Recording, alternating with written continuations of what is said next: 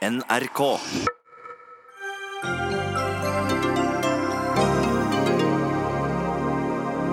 Forbrukerrådet gikk til gruppesøksmål mot DNB og tapte i tingretten. Kundene som hadde kjøpt fond med aktiv forvaltning, har slettes ikke blitt lurt, slår domstolen fast, og sier det får bli opp til politikerne å bestemme hva aktiv forvaltning egentlig betyr.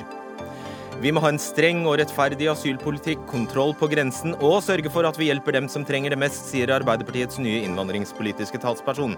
Og dermed reagerer selvsagt flere. Men hva er egentlig nytt i det Masud Gharahkhani hevder? Ekspertutvalg vil flytte nær 5000 arbeidsplasser til de nye store fylkeskommunene. Hva sier de ansatte til det? Vel, det vet vi ikke, for de er ikke spurt. Og fra 1.3 innfører Sveits påbud om å bedøve hummeren før den kokes. Hvis det er vondt for sveitsisk hummer, i den grad det finnes, er det vel vondt for norsk hummer også?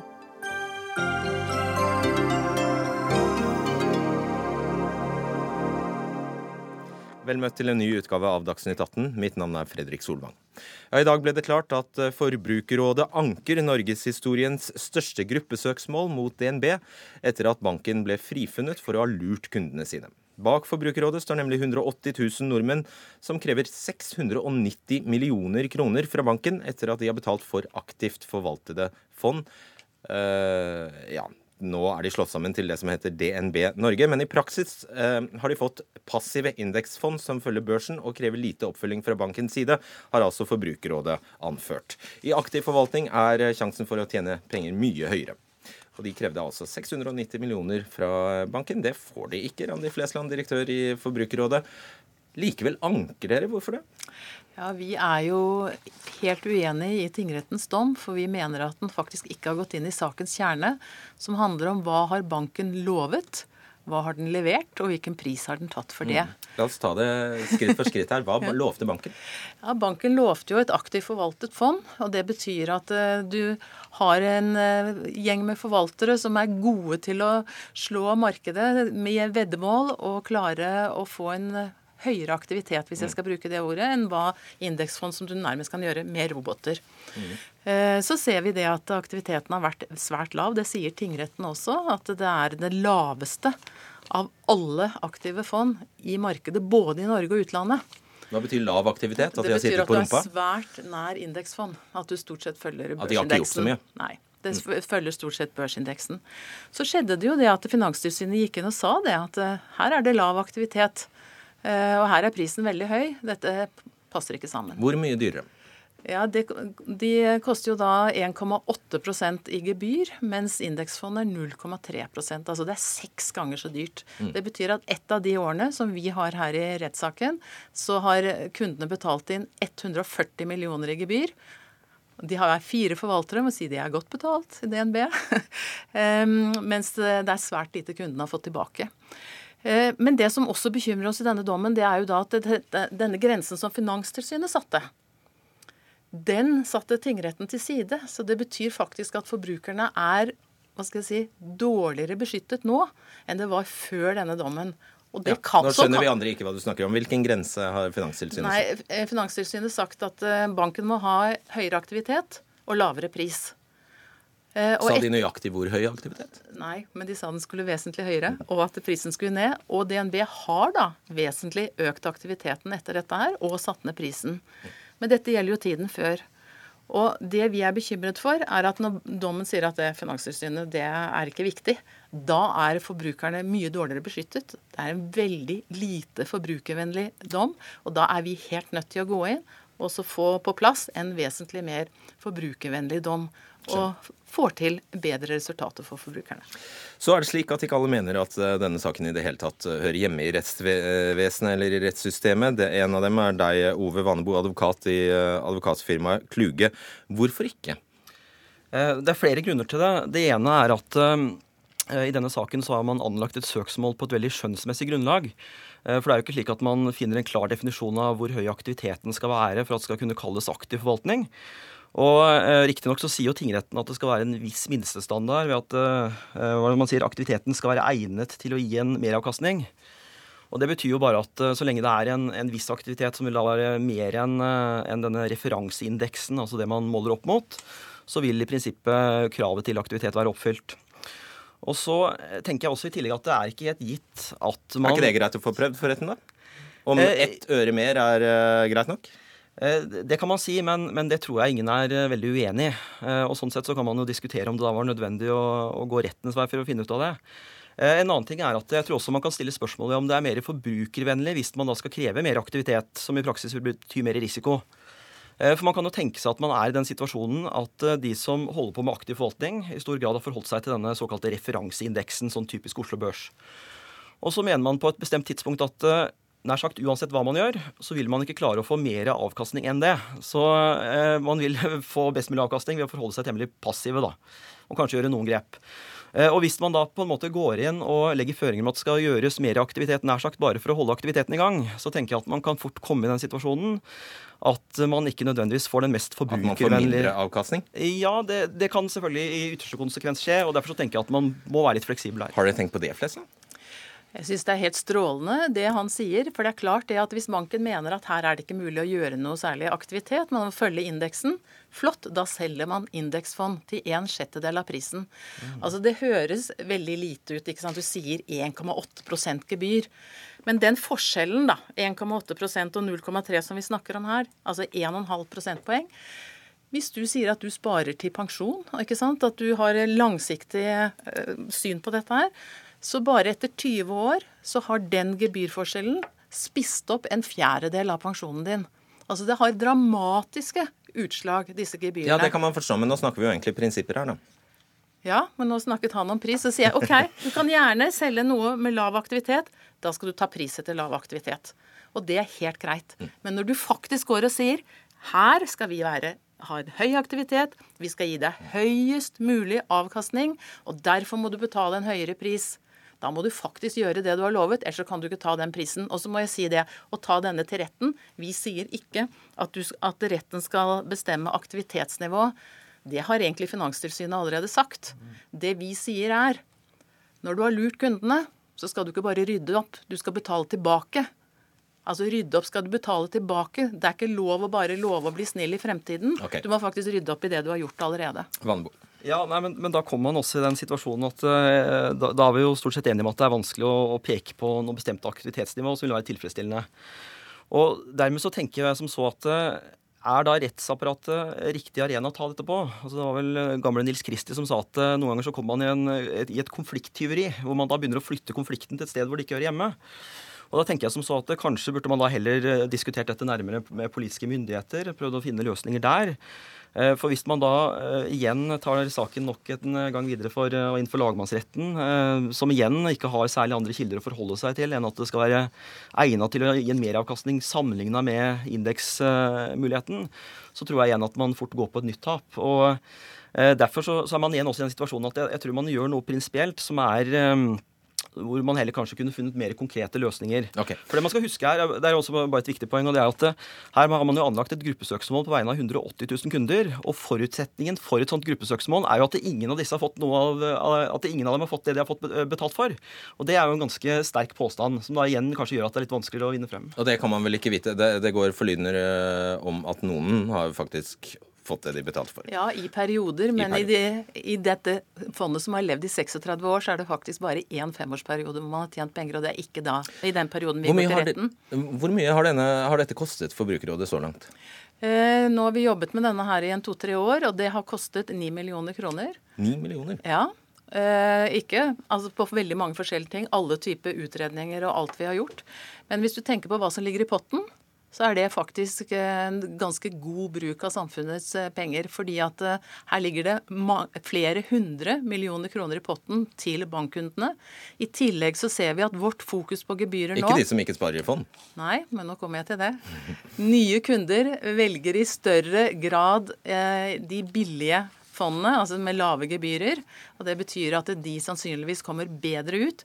Vi ser også, vi får signaler om at det også resten av finansbransjen at det har en viss disiplinerende effekt. Sånn at dette kommer virkelig samfunnet og svært, svært mange eh, norske forbrukere og skattebetalere til gode. Man kan takke finans... eh, Nei, hva er det jeg sier? Man kan takke Forbrukerrådet etter hvert. Ja, men så må man huske at eh, DNB har jo allerede retta seg etter hva Finanstilsynet har sagt. da, også, også, før man tok saken inn for domstolene. Så jeg tenker at det er jo igjen andre mekanismer enn kun rettsapparatet her. da. Men da er det bra, for da har du lovet å være snill i fremtiden. Men du må fortsatt rydde opp det du har tatt fra før, for du har faktisk røvet uh, penger for en tjeneste du ikke har levert fra disse bankkundene, og det må du betale tilbake. Ja, Tingretten sier noe annet. Vi setter strek der. Takk skal dere ha, Randi Flesland og Ove Vanbo. Dagsnytt 18 alle hverdager kl 18.00 på NRK P2 og NRK2.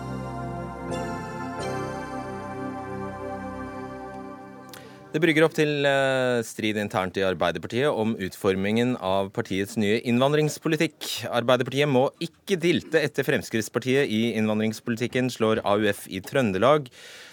Leder Julie Hole fast i et intervju med Adresseavisen i dag. Hva, eller på hvilken måte er det Hva er det du har hørt som gjør at du advarer mot det, Hole? Jeg har lest de 22 forslagene som eh, Masud og resten av stortingsgruppa fremmer. Hvem er Masud? Og jeg er helt jeg er helt uh, enig i de forslagene uh, som er, som er fremma på Stortinget fra, fra, Masud, som er innvandringspolitisk talsperson i Arbeiderpartiet. Um, og jeg, jeg, er enig i de forslagene. For jeg syns det er helt greit at alle barn skal være med på svømmeopplæring på leirskole eller lære om likestilling. Men det der er integreringstiltak. Og det er ikke det som innvandringspolitikken handler om. Det handler om eh, at verdens rikeste land har råd til å ta imot flere barn. Hvordan vi ja, behandler asylbarna, oktoberbarna gjorde. som er mest. Så hva er det du har lest eller hørt fra den kanten som gjør at du advarer? Jeg advarer nå fordi at uh, Masud har sagt at nå skal man ha en strenge retning. Um, og jeg mener at hvis Arbeiderpartiet vil nå gå en strenge retning, så er vi på feil spor. Um, fordi at Det hjelper ikke med god integrering når barna er sendt på et fly tilbake til Kabul. Og Da mener jeg at nå må vi ta et oppgjør. Nå må vi få politikken inn på rett retning igjen og sørge for at innvandringspolitikken eh, vår er eh, streng og rettferdig, ja, men at den også er human. Mm. Gi et konkret eksempel, eh, er du snill. Et konkret eksempel kan være ja, Et sitat mange... eller noe lignende fra Gharahkhani som underbygger det du sier. Ja, vi vet, for eksempel, et konkret forslag som jeg mener da, er Vi vet at mange land for er skeptiske til å ta imot barn med skader, med traumer og med, krigs, uh, med krigstraumer som er pleietrengende, fordi at mange av dem her ikke kan stå i 100% jobb fordi de mangler armer eller bein f.eks. etter å ha tråkka på en mine. Og Hvis det er ett land i verden som har råd til å hjelpe, så må det være oss. For Hvis ikke vi har råd til det her, hvem er det som har det da? Og da Har Masud Gharahkhani sagt, sagt noe om den type den kategorien der? Eh, det var et konkret forslag som jeg mener at Arbeiderpartiet burde ta tak i sånn, nå og fronte, for at vi skal ha en human innvandringspolitikk og ikke dilte etter Frp, som jeg mener at uh, Masud har sagt i intervjuene de siste dagene, at uh, nå skal man gå på en strengere linje. Det er et konkret sitat, sitat fra han, og det er jeg uenig i. Da er vi med. Det har også kommet sterke reaksjoner eh, fra andre partier. Toril Bransdal, du er innvandringspolitisk talsperson i Kristelig Folkeparti. Til NTB i dag sier du det er ganske langt mellom Arbeiderpartiet og KrF for tiden akkurat på dette området. Jeg ber også deg om sitater. Hva er det du reagerer på? Jeg reagerer ganske klart på at i den situasjonen vi i Norge nå, få som kommer innvandrere, og det er få mottak, så skal altså politikken da eh, skjerpes inn. Og det virker som om at det er nesten et kappløp mellom Frp og Arbeiderpartiet om å framstå som strengest. Hva er det han har sagt som, gjør at du, som får deg til å si det? Eller sagt eller skrevet eller gjort? Ganske klart kan jeg ta det eksempelet med, med Oktoberbarna og Arbeiderpartiets uh, opptreden der.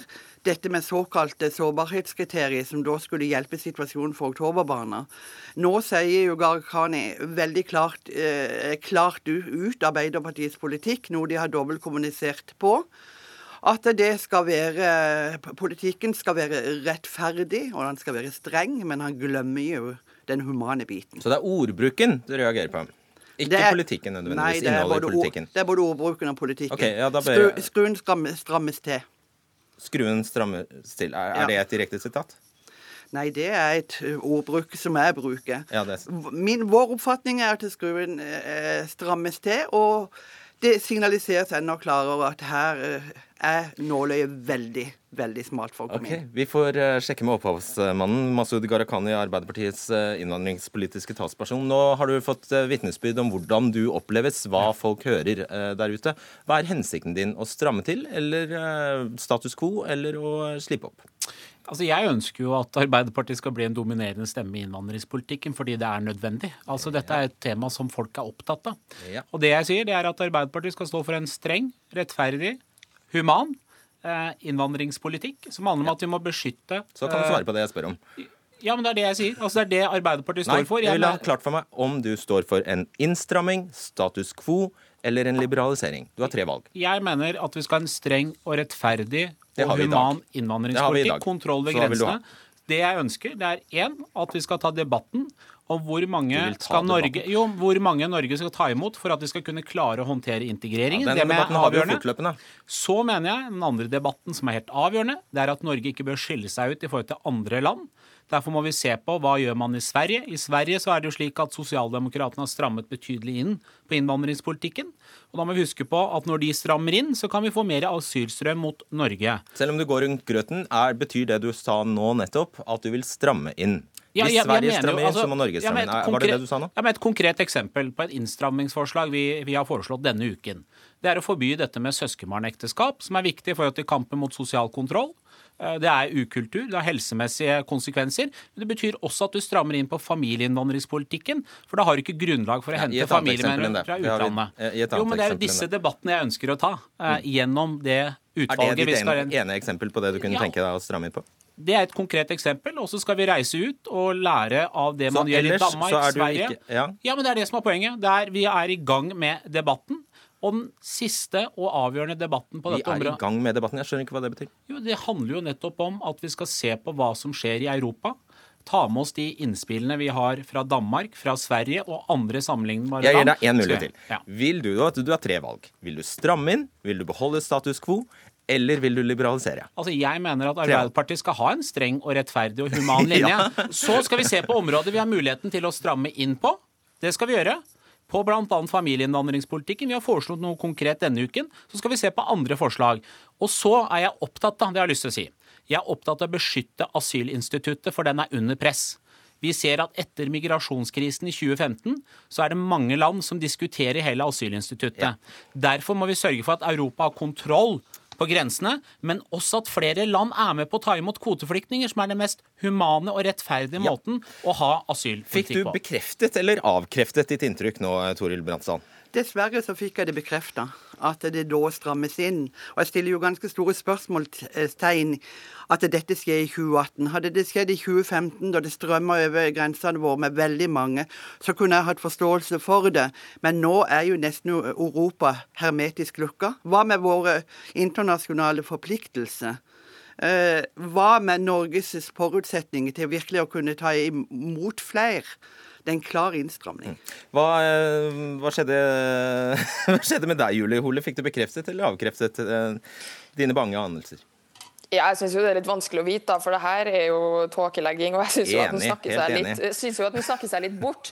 Fordi at eh, Han snakker om de 22 forslagene som jeg nevnte i begynnelsen her. Det er jo integreringstiltak. Nå er det innvandringspolitikken vi er invitert for å snakke om, og da må vi tørre å ta den debatten og snakke om faktisk det. Fordi at når vi sender ungene tilbake til Afghanistan, hva hjelper det da å stille krav om leirskole og svømmeundervisning? Det hjelper ikke i det hele tatt. Og så vil jeg si en ting til. Nå er det bra at Arbeiderpartiet har satt ned et utvalg som vil se på denne politikken på dette området. Men det er ikke behov for å reise til Sverige eller til Danmark. Dette er tida for å reise rundt Oi, ble du borte? Ja. eh, vi, eh, vi kommer tilbake til det, Julie Hole. Det er ikke alltid at eh, te teknikken står og spi. Eh, Masud eh, Gharahkhani, det er vel hevet over enhver tvil at har, nå har du gitt ett intervju til ABC Nyheter, du har skrevet en egen kronikk i VG, og du var på Politisk kvarter i morges, og du hører jo hva omkvedet er etter disse opptredenene. Eh, det er vel ingen tvil om at det du ønsker å formidle, er at eh, her er jeg, ny innvandringspolitisk talsperson eh, i Arbeiderpartiet, og jeg har i klypa. Du, vi er opptatt av å diskutere innvandringspolitikk, og det er derfor vi har satt dette utvalget. Og jeg er glad for det, at det er engasjement fra AUF, og det kommer til å være engasjement fra hele landet. Vi skal ta med oss de innspillene og så skal vi lande på hva slags politikk vi har. Men for meg så er det viktig at det er verken KrF eller SV eller Frp som er grunnlaget for den innvandringspolitikken vi skal føre. Det er den sosialdemokratiske innvandringspolitikken. Streng, rettferdig og human. Sånn var det. Eh, Bransdal, eh, litt rart at denne kritikken kommer fra KrF av alle som i nå ja, hva er det, fem år har sørget for å bevilge alle pengene til den nåværende regjeringens eh, asyl- og innvandringspolitikk? Ja, vi har hatt budsjettsamarbeid og en samarbeidsavtale sammen med den ikke nåværende regjeringa, men, men de partiene. Daværende. Det har vi gjort. Eh, men vi har vært veldig tydelige og har vært en veldig tydelig stemme i, i, i denne politikken. Det Og hjelper sagt- jo lite hvis du bevilger penger til eh, nøyaktig den samme politikken. Ja, men det er ikke bare, dette er ikke bare eh, snakk om penger. Denne politikken er ikke bare snakk om penger. Dette er snakk om hvilken situasjon vi ret, returnerer folk til. Dette er et snakk om en, en situasjon som går på det dypeste hos menneskene. Dette er mennesker i, i, i djup nød. Hvordan behandler vi dem? Ja, finansielt, men også menneskelig sett. Ok, Uh, Julie Hole, er du med oss? Jeg er med. Eh, stemmer det at du har sagt eh, at Gharahkhani kupper dette utvalgets arbeid? Ja, jeg mener jo at nå er ikke dette tida til å reise til Sverige eller til Danmark. Tida er inn for å reise rundt i hele grasrota i partiorganisasjonen i Arbeiderpartiet, fordi vi har et skrikende behov for å bli hørt. Og det engasjementet tror jeg kanskje ikke Masud har tatt inn over seg. Fordi at Stortingsgruppa kan ikke konkludere sånn på forhånd. Da blir det kun et bestillingsverk, og ikke faktisk ny politikk, som er det vi trenger. Så nå må utvalget som er satt ned, reise rundt og lytte. Og hvis de kommer med noe ferdigkonkludert og med samme utgangspunkt og verdisyn som Frp, så mener jeg at da kommer de til å gå på en smell. Ok, Gharahkhani, to tester på slutten her. Eh, Regjeringen vil innføre mer midlertidighet for eh, enslige mindreårige asylsøkere. Hvordan stemte Arbeiderpartiet?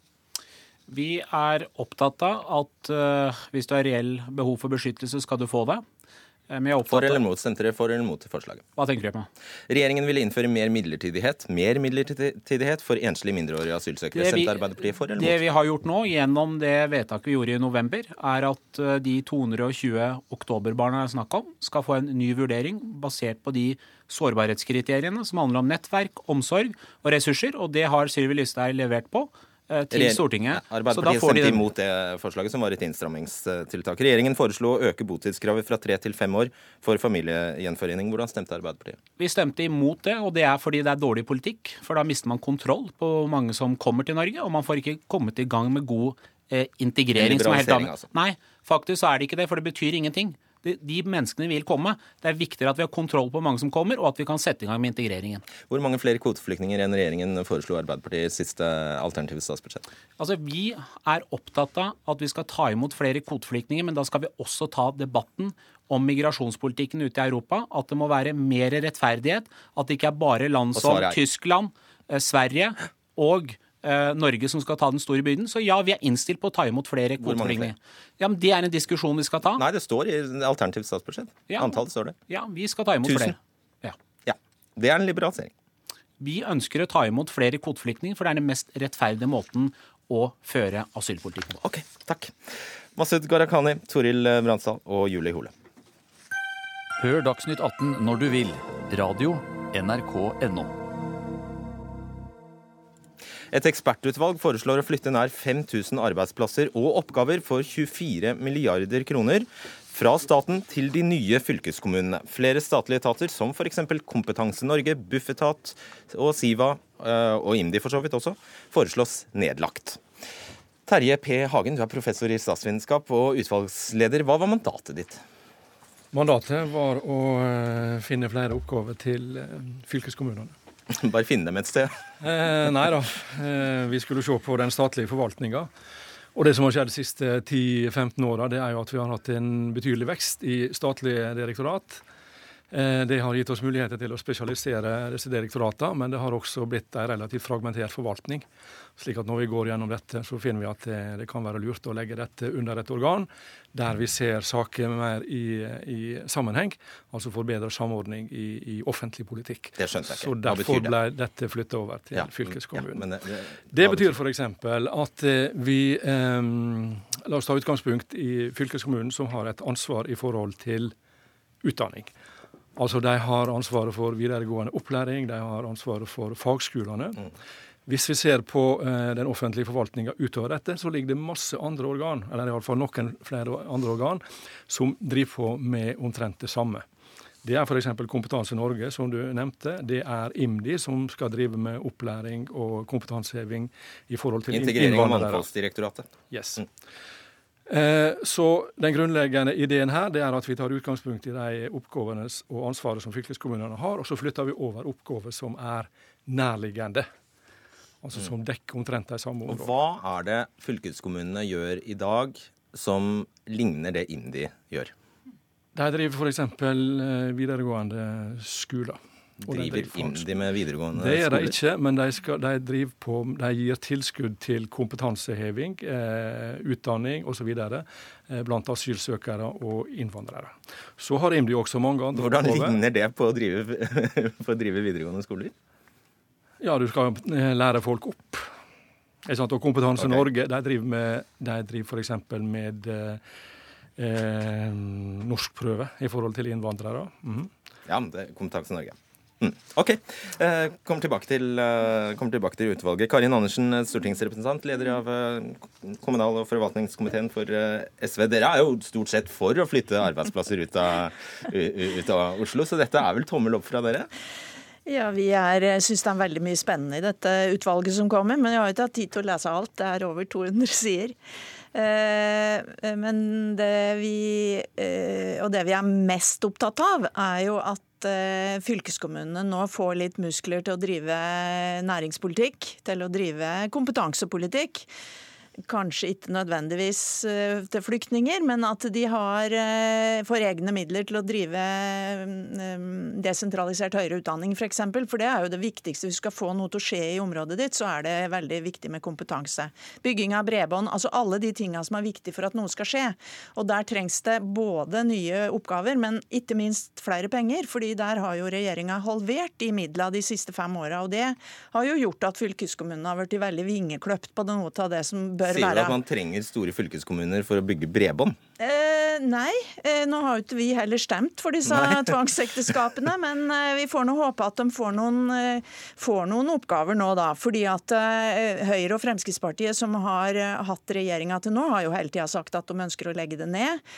Og da man da får lagd et eller annet stort som få har eh, tilknytning til, og hvis de da heller ikke har noen oppgaver å drive med, så er det jo lettere å legge dem ned. Men nå er jo Venstre i regjering, og dem har jo, regner jeg med, vil sørge for at det kommer noen oppgaver her, så det er vi opptatt av. Men noe av det vi har vært kritisk til i dag, er jo at dette er en svær rapport. Det er 23 milliarder, det er 5000 ansatte, og så skal regjeringa kjøre dette gjennom en seks ukers høringsfrist. Altså med skam å melde, det er ikke en fylkeskommune som kommer til å ha mulighet til å behandle dette seriøst, og det er 5000 ansatte som skal ha medbestemmelse i dette. Det må ivaretas, og det mener vi. Derfor må man ha i hvert fall tre måneders høringsfrist, og så skal jeg som leder i komiteen ta ansvar for at vi kan behandle en sak til høsten. Det skal vi få til. Bare ta den detaljen om de ansatte, Hagen. Har de ansatte vært representert i utvalget? Nei, dette er et rent uh, faglig utvalg. Men eh, jeg vil gjerne påpeke én ting her. Er ikke det litt rart? Nei, det er det ikke. Dette er helt vanlig. Det som er ja, ja, det kan være rart for det, da, selv om det er vanlig. Ja, det er noe sånn det er. Altså, Det er ikke vi som okay. utvalget, dette blir oppnevnt av regjeringa. Eh, men det har kanskje blitt skapt et inntrykk av at vi skal flytte 5000 arbeidsplasser ut av Oslo, men slik er det altså ikke. Det vi flytter av arbeidsplasser, det ligger i all hovedsak ute der allerede. Det ligger i den regionale stat. slik at det vi gjør, det er å flytte det fra regionale enheter der ute over til fylkeskommunen. Men de blir berørt, og det er det, det blir som er. definitivt. Ja. Og da, har man med, da har man, eh, bør man bli tatt med på råd, og i hvert fall få lov til å uttale seg og ha mulighet til å sette seg inn i saken. Christ... Og det er uten en kritikk mot utvalget, det er en kritikk mot regjeringa som vi del, ja, på en måte har her. da. Eh, Kristin Ørmen Johnsen, stortingsrepresentant eh, fra Høyre. Forklar denne glideflukten fra å være prinsipiell motstander av fylkeskommunen som sådan, til å ville slå sammen en masse ulogiske, lage ulogiske fylkesgrenser, til nå å kaste en del ja, eh, oppgaver på dem.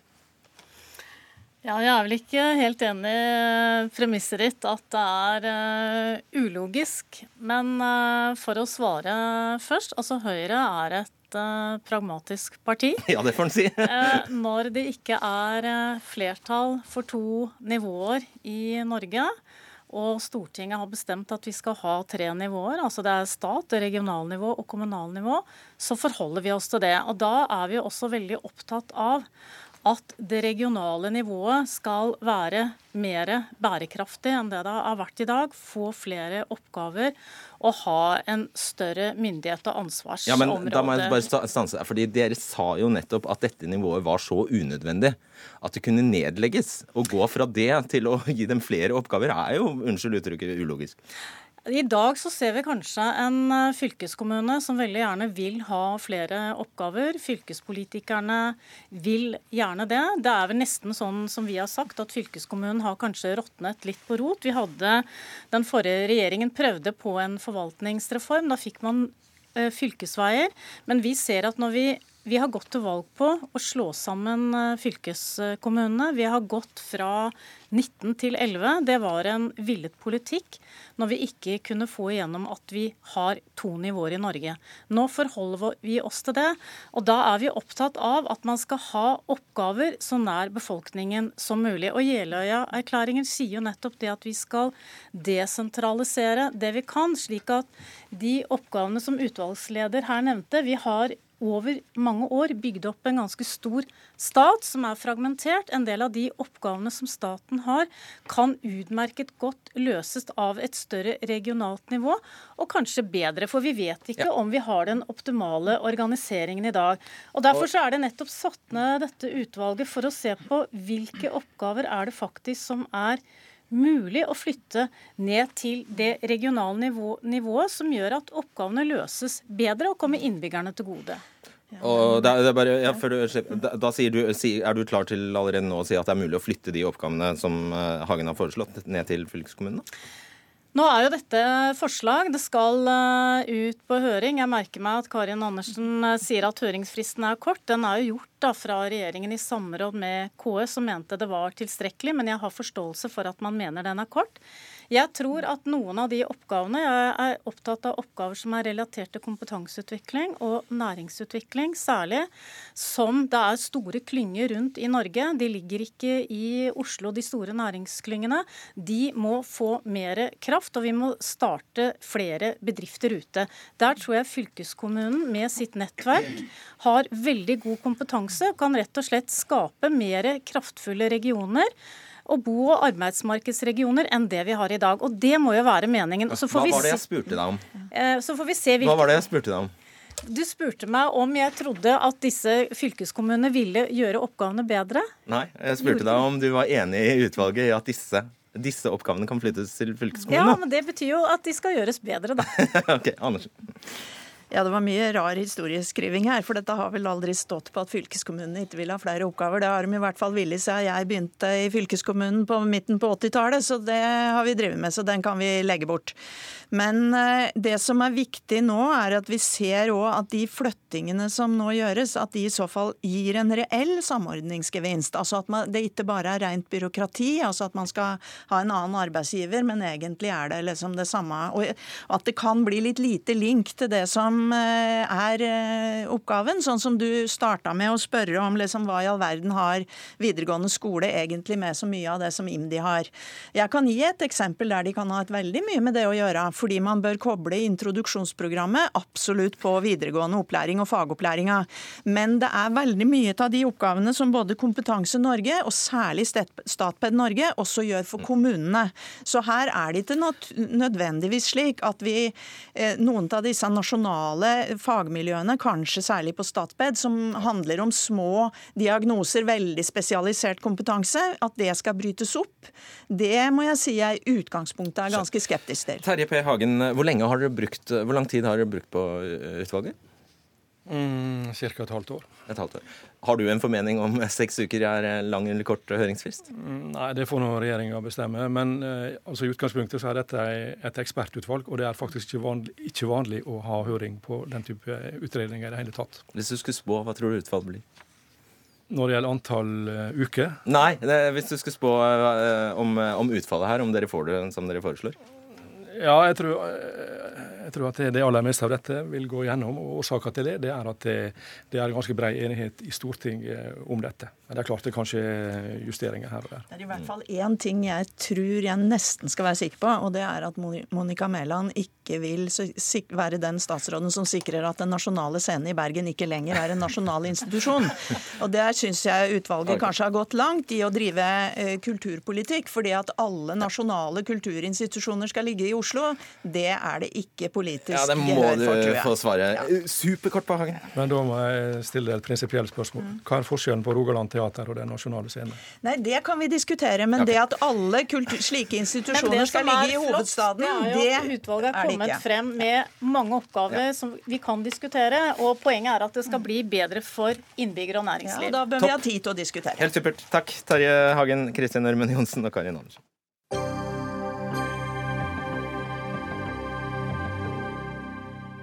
Pensjon blir det store stridstemaet under vårens lønnsoppgjør, og kan utløse en storkonflikt mellom arbeidstakere og arbeidsgivere i de såkalte frontfagene. Denne uka vedtok Fellesforbundet sine krav eh, overfor sin motpart på arbeidsgiversiden, Norsk Industri. Et av kravene er å bedre innskuddspensjonsordningen og AFP.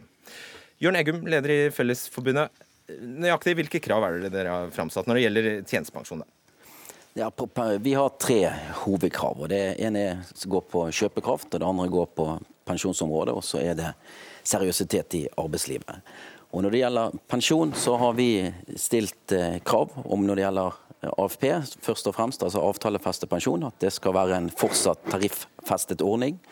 Og så at man sikrer at de som uforskyldt faller utenfor ordningen på slutten av sin yrkeskarriere, ikke gjør det. Og også at pensjonsnivået i ordningen de må eh, sikre sånn at eh, det er i tråd med det som det var ment for, altså sliterne i arbeidslivet. Og På tjenestepensjonsområdet så ser vi at eh, regjeringen leverer på noe av det som vi eh, utfordret de på ved forrige oppgjør, og det er bra. Så har vi to, to krav eh, som vi mener bør, bør, innfries. Det er at det er en sammenheng mellom opptjeningstiden i folketrygden, AFP, og i tjenestepensjonsordningene. Og Da må det være mulig å opparbeide rettigheter fra du er fylt 13 år. Og så er det ikke minst rettferdig at du får pensjon av hele eh, lønnsgrunnlaget ditt. Dvs. Si at eh, da skal du opptjene pensjon fra første krone og opp til, til 12G. Eh, som... Det vil si at hvis du har en brøkstilling, så skal du få pensjonspoeng? Ja, eh, kravet vårt er uavhengig av eh, stillingens størrelse, ja. Nettopp.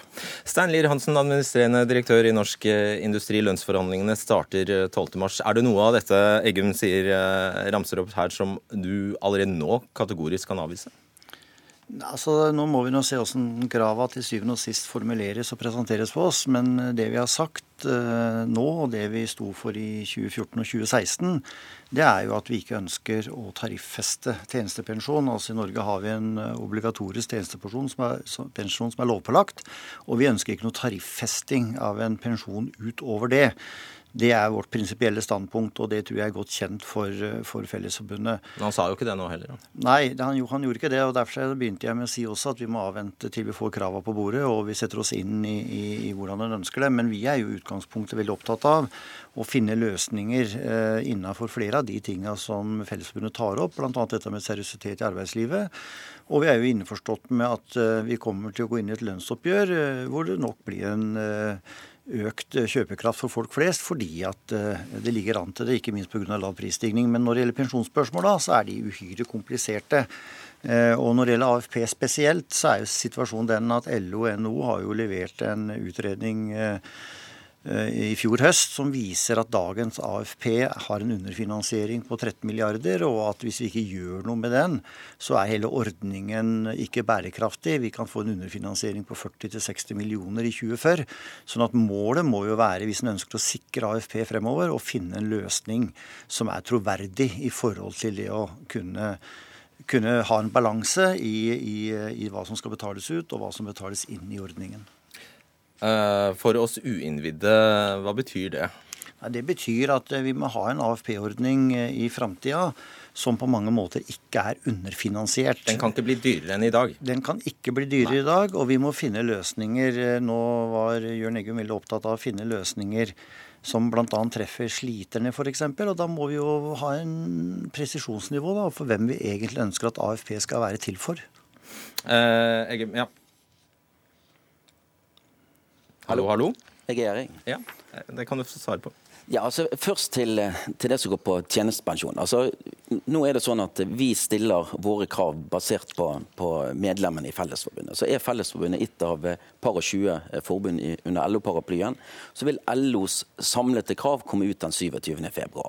Men basert på det vi stiller, så stiller ikke vi krav om at eh, tjenestepensjon skal tariffestes. Vi stiller krav om at eh, dette her skal gjøres lovveien, nettopp fordi at dette òg er et seriøsitetskrav. Vi skal ikke gjøre det lettere for de som ikke har tariffavtale, eh, sånn at vi skal være konkurransedyktige. Okay, Så da legger vi den fra oss. Ja, og Når det gjelder avtalefestet pensjon, så er det sånn at den underfinansieringen som Stein Lier Hansen tar opp nå, det er litt sånn, altså skal jeg være litt sånn prinsipiell, så er det litt sånn merkelig. For denne ordningen her, den ble fremført fremforhandlet i 2008 med den innretningen som man har. Da satt Stein som en del av eh, NHOs forhandlingsutvalg og vedtok denne.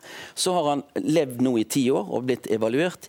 Og I styret til fellesordningene der sitter eh, NHO med representant, og ikke meg bekjent på noen som helst eh, måte disse ti årene vært bekymret for at han ikke skulle være bærekraftig på sikt, eller for å få enten tatt initiativ til at bedriftene skulle betale mer inn, eller at man skulle felles gå til myndighetene for å få finansiert det. Nok en gang må jeg be om litt oversettelseshjelp. Eh, antyder noe her mellom linjene, Egil? Nei, jeg sier bare det at det nærmer seg tariffoppgjør, og da blir det på mange måter sånne type Eh, posisjoner. Eh, okay. og, og, Kravene våre når det gjelder AFP, det tror jeg både Norsk Industri og Fellesforbundet er enige om. At det er viktig at de som er, er sliten når de passerer 62 år, som ikke sjøl klarer å stå i arbeid, skal ikke gå til legen og bli legemeldt ut av arbeidslivet. De skal sjøl kunne ta det valget at nå er jeg så sliten at det, nå velger jeg å gå av på avtalefestet pensjon. Og da må den ha et nivå så ikke vi i fremtiden får fattige pensjonister når de går ut av arbeidslivet. Når var det du oppdaget at AFP-en var så dyr? Hele poenget her er at når vi framforhandla en justert AFP i 2008, og den ble iverksatt i 2011, så var jo forutsetningen at den ordningen skulle evalueres etter ti år, altså i 2018. Og så har vi fått en evaluering, og den viser to ting. Den viser at ordningen har fungert etter en av hensiktene fra 2008, nemlig at den bidrar til at folk står lenger i arbeidslivet, og det er veldig bra. Og det er ikke minst staten tjent voldsomt mye på, fordi at folk jobber lenger enn de gjorde i den gamle ordningen. Og det betyr at flere betaler eh, skatt istedenfor å bare være pensjonister. Men det er også vist at eh, den er blitt underfinansiert. Altså så mange nye har tatt ut AFP i forhold til det en gjorde før 2011. Og det, jo, og det, må vi jo på en måte ta på alvor. Altså, det er jo ingen som sier at AFP skal avvikles. Den er avtalefesta, så den kommer vi til å ha så lenge partene ønsker det.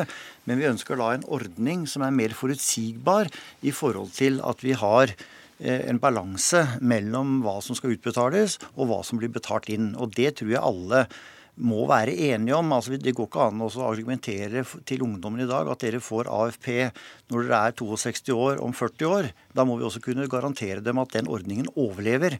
Og ingen ordning som er så, stor, så sterkt underfinansiert, vil overleve. Så her tror jeg at eh, hovedorganisasjonene må strekke seg lenger enn langt for å finne en ordning som på en måte er troverdig. Alright. Eggum, eh, hvis du skal rangere disse tre hovedkravene, da, penger, pensjon og seriøsitet, da tror jeg jeg stabler de etter hverandre. For dette er så viktig eh, for oss eh, at eh, jeg kan ikke rangere disse kravene. Men det er klart noe har sin, sin altså Vi har jobbet i to år nå i et utvalgsarbeid, meg og Stein og en par til. Så vi, vi er jo på spor om å kunne løse det som går på reise, kost og losji.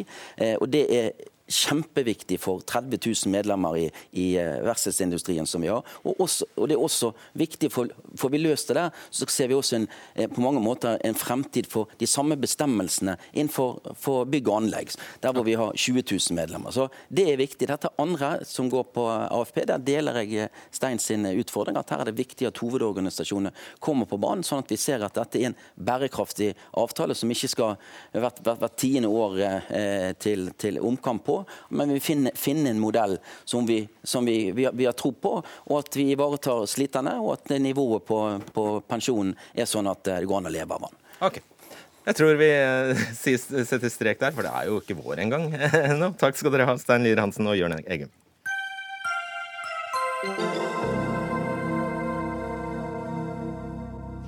Hvor relevant er Darwins evolusjonsteori i metoo-debatten? Det har vært stor uenighet om, eh, Dette har det vært stor uenighet om i flere ordvekslinger i Morgenbladet den siste tiden. Vi kan ikke stikke under en stol at mannens seksualitet er mer spontan, mer visuelt orientert og mye mer positiv til one night stands. Ikke jeg som sier dette. Det sier du, Kyrre Vatne, gründer med master i evolusjonspsykologi, i en kronikk i Morgenbladet. Hva er det du mener? Hvordan henger dette sammen med seksuell trakassering? Når vi skal forstå et fenomen som uh, metoo, så må vi også se på forskjeller i menn og kvinners seksuelle psykologi. Og det bunner i siste instans i evolusjonære betraktninger. I tillegg til selvfølgelig mye kultur, mye annet. Men en del av det er, en, er også et, eh, biologi. Alright, så Hvor stor del av eh, det vi omtaler som seksuell trakassering kan tilskrives evolusjonen? Det er nok ikke så lett å kvantifisere. Og uh, det er ikke noe tvil om at, igjen, at kultur er en viktig del av dette bildet. Uh, vi har jo, Det er jo en, på en måte en, en, stor kulturforandring som er grunnlaget for at vi overhodet har fått metoo-kampanjen. Uh, til, til, det bedre, selvfølgelig. men en del av bildet er også biologi.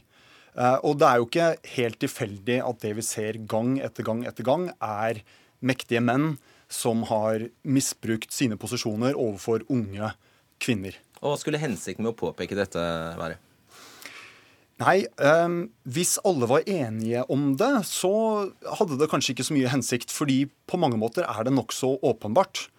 Uh, men jeg tror at når vi skal tenke på mottiltak, så må vi ta i betraktning at menn kan ikke bare forutsette at kvinner funker som de gjør menn må, menn må tenke på at kvinner eh, funker litt annerledes seksuelt. Ok, Linda Katrine Tveit, psykologistudent ved Universitetet i Oslo. Du har sammen med to andre studenter eh, svart på Vatnes kommentar i Morgenbladet. Hva reagerer dere på?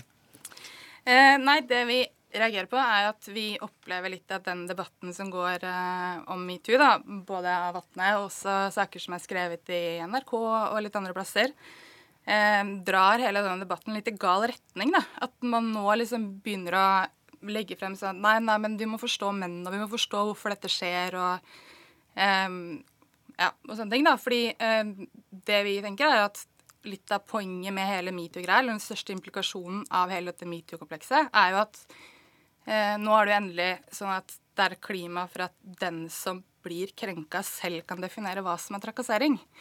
Eh, og vi mener at det blir en sånn ekstrem forenkling å begynne å snakke om på en måte at nei, evolusjon, biologi kan forklare dette her. Fordi eh, evolusjonspsykologien er jo en sånn type sak som forklarer atferd i retrospekt. Da. Så det blir jo veldig sånn Alt vi ser mennesker gjør, kan man jo argumentere for at jo, men det er evolusjonært, for det har skjedd. Um, og det kan jo ikke predikere hva som skjer i fremtiden. Og derfor så mener vi også at det blir et fullstendig håpløst fokus. da.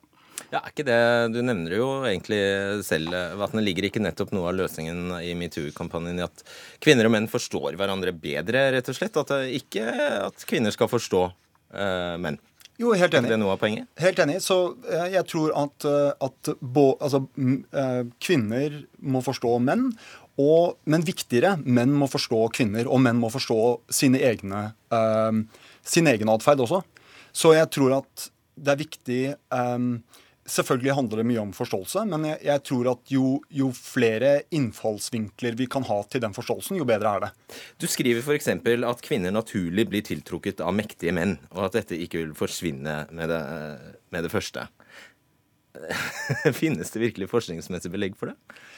Det gjør det faktisk. Eh, det, eh, noe som jeg grep fatt i i den artikkelen jeg skrev, var det at hvis man ser på ikke bare vestlige kulturer, men kulturer over hele verden, så ser man at kvinner rangerer statusmarkører høyere når de tenker partnervalg.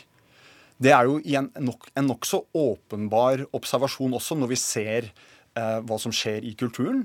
Men dette er det også tydelige forskningsresultater som viser. Og til dette svarer du, Tveit? Eh, jeg skjønner ikke hvorfor det er så viktig å trekke frem. Eh, og jeg skjønner ikke hvorfor data det er evolusjonært, selv om det foregår mange steder. Um, jeg vil jo påstå at i ganske mange samfunn så vil man jo se at det er disse maktstrukturene som vi ser på en måte i vårt samfunn og i Norge. At man har eh, Det er jo hvite middelaldrende, menn på topp da, eh, som bestemmer, og som har makt. Og det er liksom Jeg tenker at det også er eh, Man kan jo se på det liksom med liksom briller fra sosialkonstruktivisme, f.eks., eh, og tenke at eh, le, alle lever jo i et samfunn, så skaper man på en måte det samfunnet man er i, samtidig som man internaliserer de tingene man opplever. da. Eh, så at når man lever i den type maktstruktur som vi gjør, og eh, man får eh, kronikker fra Morgenbladet hvor det står at menn evolusjonært sett eh, ikke kan hjelpe for at de tenker som de gjør, og den type ting, så blir det internalisert til hvordan man selv igjen liksom på en måte samhandler med andre igjen. Da, og sånn så fortsetter det her bare. Eh, og det er derfor vi tenker at nå, når vi endelig på en måte har fått denne debatten som virkelig kan gjøre en så stor endring for, for så mange, da, eh, så blir den dratt helt eh, reaksjonært baklengs. For, for, å gripe litt fatt i det siste du sa der, så uh, må jeg bare si at uh, jeg jeg synes ikke at, noe, at menn kan bruke Darwin som unnskyldning eller genene sine som unnskyldning. Jeg, jeg har Det er jeg veldig glad for å høre. Eh, ja, og, og det, det, har jeg eh, forsøkt å si også tydelig i artikkelen min. Eh, så, så, men, og til det første du sa, så, så er jeg jo eh, Innenfor revolusjonspsykologien så er man litt opptatt av å prøve å se på mange forskjellige samfunn. Nettopp fordi at man vet at kultur er så viktig. Og Derfor så må vi prøve å liksom forskningsmessig nøytralisere det ved å se om vi ser de samme mønstrene igjen og igjen. For når vi ser det, så er det jo grunn til å mistenke at det også handler litt om biologi. For kulturen er jo litt mer tilfeldig. Det oppstår forskjellige ting forskjellige steder. Når vi ser at de samme mønstrene gjentar seg, så er det interessant. Uh, blir vi ferdig med denne debatten noensinne? Det virker jo ikke sånn. Nå har vi jo på en måte et jordskjelv av metoo, og allikevel så er det spesielt av mennesker som har ekspertise i psykologi og sånne ting, som, eh, som drar opp uh, dette her. Og det er forståelig på en måte, men det hadde vært fint hvis man hadde fått nyansert det litt mer, da. Ja. Vi fikk ikke løst det i kveld, her i kveld i hvert fall. Takk skal dere ha. Linda Katrine Tveit og Kyrre Vatne. Hør Dagsnytt 18 når du vil. Radio NRK Radio.nrk.no.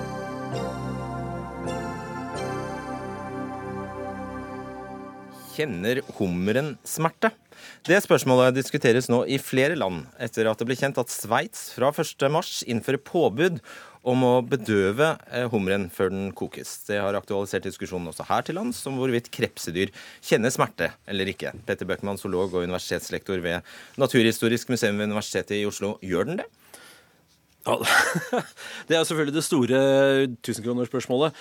Det eneste dyret vi helt sikkert veit kjenner smerte, det er mennesket. For vi kan si ifra. Det er litt vrient å spørre de andre dyra, så du er nødt til å se på sånn, Har den forutsetninger for å føle smerte? Oppfører den seg som den føler smerte? Og det ser nok sånn ut, ja. Alt tyder på at hummeren får vondt. Det er, Jeg vet ikke om det er mange det er som har skålla seg her i verden, ja, men det gjør samla vondt. Og det er, noe, det er, ikke noe, grunn til å tro at det er noe mindre vondt for krepsen. Hvordan ser man det, da? Den vil krølle seg sammen. altså når du får den der, sånn spasmegreiene. Det som skjer når du putter den i kokende vann, hvis du har en litt svær gryte, sånn at den blir kokt fort og effektivt, det er jo at den yttermuskulaturen veldig fort stivner, for den blir jo ja, sånn egg når du slenger i stekepanna, blir uh, denaturerer. Og dermed så er den ikke i stand til å bevege seg, men du ser jo disse der krampene ganske tydelig. Liker ikke å være der, i hvert fall.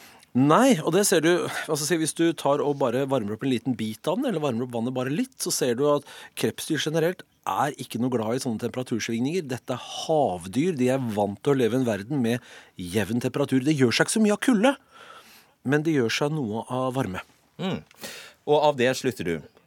Av det slutter jeg. Gitt at en, Krepsen har et sentralnervesystem. Eh, gitt at den har smertereseptorer. Den har eh, mye godt de samme kjemikaliene i hjernen som det vi har, som fyrer av når den får eh, Ja, når du klipper an et bein eller gjør et eller annet sånt med den. Og at den stikker av, og at den ser ut til å huske at den har fått vondt, og at den er langlivet av, så slutter jeg at ja, krepsen har det sabla vondt når den blir putta i gryta. Og derfor skal vi ikke gjøre det. Det hadde vært veldig, Jeg er veldig glad i å spise sjødyr. selv. Det hadde vært greit om det hadde vært mulig å ta livet av den før du putta den i gryta. Litt sånn som vi tar livet av kua før vi putter den i steikepanna. Geir Skeie, kokk, tidligere vinner av kokkemesterskapet Bocuse d'Or. Eh, hvordan tar du livet av hummeren?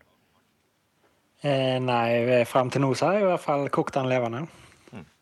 Kommer du til å fortsette med det etter det du har hørt?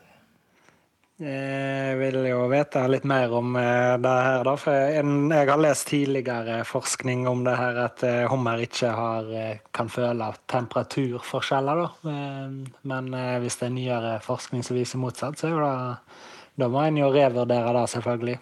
Men du har jo helt sikkert observert hvordan eh, krepsen reagerer på å bli, eh, bli puttet i kokende vann. Hva, hva har du sett Ja. da? Nei, eh, den eh, trekker seg jo sammen, på en måte, sånn at den bøyer inn halen, og, men den spreller jo ikke noe særlig ned i kjelen når, den er, når det er kokende varmt vann. Hva, hva, hva er grunnen til at man gjør det? Hvorfor, hvor- hvor- hvorfor putter man hummeren i kokende vann? Da Det er jo en eh, Hvis en leser oppskrifter fra tidenes morgen, så er det den måten en eh, tilbereder hummer på. Koker den levende. Eller om det er krabbe eller sjøkreps eller reke eller hva som helst, så er det sånn den blir eh, har blitt gjort. Eh, Og det har jo òg med smak, å beholde smaken inni, inni kjøttet. Men eh, hovedsaken er jo at det er sånn det alltid er blitt gjort, og det har aldri vært noe, stilt noe spørsmål til eh, det, eh, på en måte. Nei, og det er jo sant, Bøckmann. Man har gjort dette til, i alle år. Dette har man gjort i alle år. Eh, Man har gjort mye annet rart i alle år også. Eh, Sett eh, meitemark på fiskekroken, selv om det spreller og, og mye sånt noe. Og, og det er klart, problemet her, og det er som man sier Hvis du, hvis du klepper dette dyret i to, så siger jo mye av smaken ut. Det er den ene tingen. Og så den andre tingen er det er vrient. Du knuser den liksom. Hvis du skal liksom slå den i huet med noe hardt. Det kan du gjøre med en sau, men det er vrient å gjøre det med en hummer eller en krabbe. Da, da, ja. Så hva er ut løsningen? den. Nei, nå, De jobber jo med saken. Eh, er det mulig å bedøve dette dyret på en måte som ikke setter bismak i kjøttet? Noen har eh, funnet opp en sånn liten eh, elektrisk dings som rett og gir den et elektrisk sjokk, som slår ned, slår ned svime. Hvis det funker bra, og jeg vil anta at det burde kunne funke, så høres jo det ut som en fornuftig løsning. Men det er klart det blir nok et dyrt redskap og nok et litt vanskelig redskap å ha på kjøkkenet, i tillegg til alle de andre dyre og fancy redskapene man har på kjøkkenet. Er, dette, er det noe av dette her som lar seg gjøre praktisk på et eh, kjøkkenskei? Ja, da regner jeg med at eh, de finner ut av eh, en måte å avlive eller bedøve hummeren på hvis det er sånn at en må gjøre det før en koker den eller gratinerer den.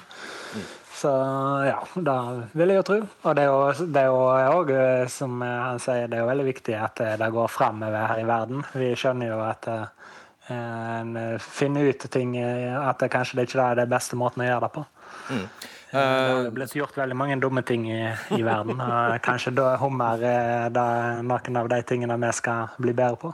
Mm. Eller sjøkreps eller ja, krabbe, alle disse her skalldyrene. Ikke sant? Men den eh, Altså, rekene, Bøckmann, de vil lide samme skjebne. Fordi de er eh, rent praktisk veldig vanskelig å ta livet av en en og en. Det er nå å ta livet av én og én når du skal ha 1000 reker. Eh, på den annen side så er det noe med hvis du, hvis du har tilstrekkelig varmt vann og du putter ei reke oppi, så er reka et lite dyr. Og da går det fort. Og det er klart, ja, vi er nødt til å drepe dyr for å ete dem, det sier seg sjøl. Trikset er å få gjort dette her med minimum av lidelse. Det er en grunn til at vi slår i hjel kua før vi eter den. Det går nok an å putte, skjære en bit av kua og putte rett i panna, men det er jo ingen som har lyst til å gjøre det. Og jeg vil regne med at det er et tidsspørsmål før et sånt forbud dukker opp i Norge også. La oss si at det, kanskje om ti år så har vi det tilsvarende greia her. Hva tror du om det, Skei? Har de, de forska noe på hvor lang tid det tar før hummeren dør når han blir kasta på kokende vann?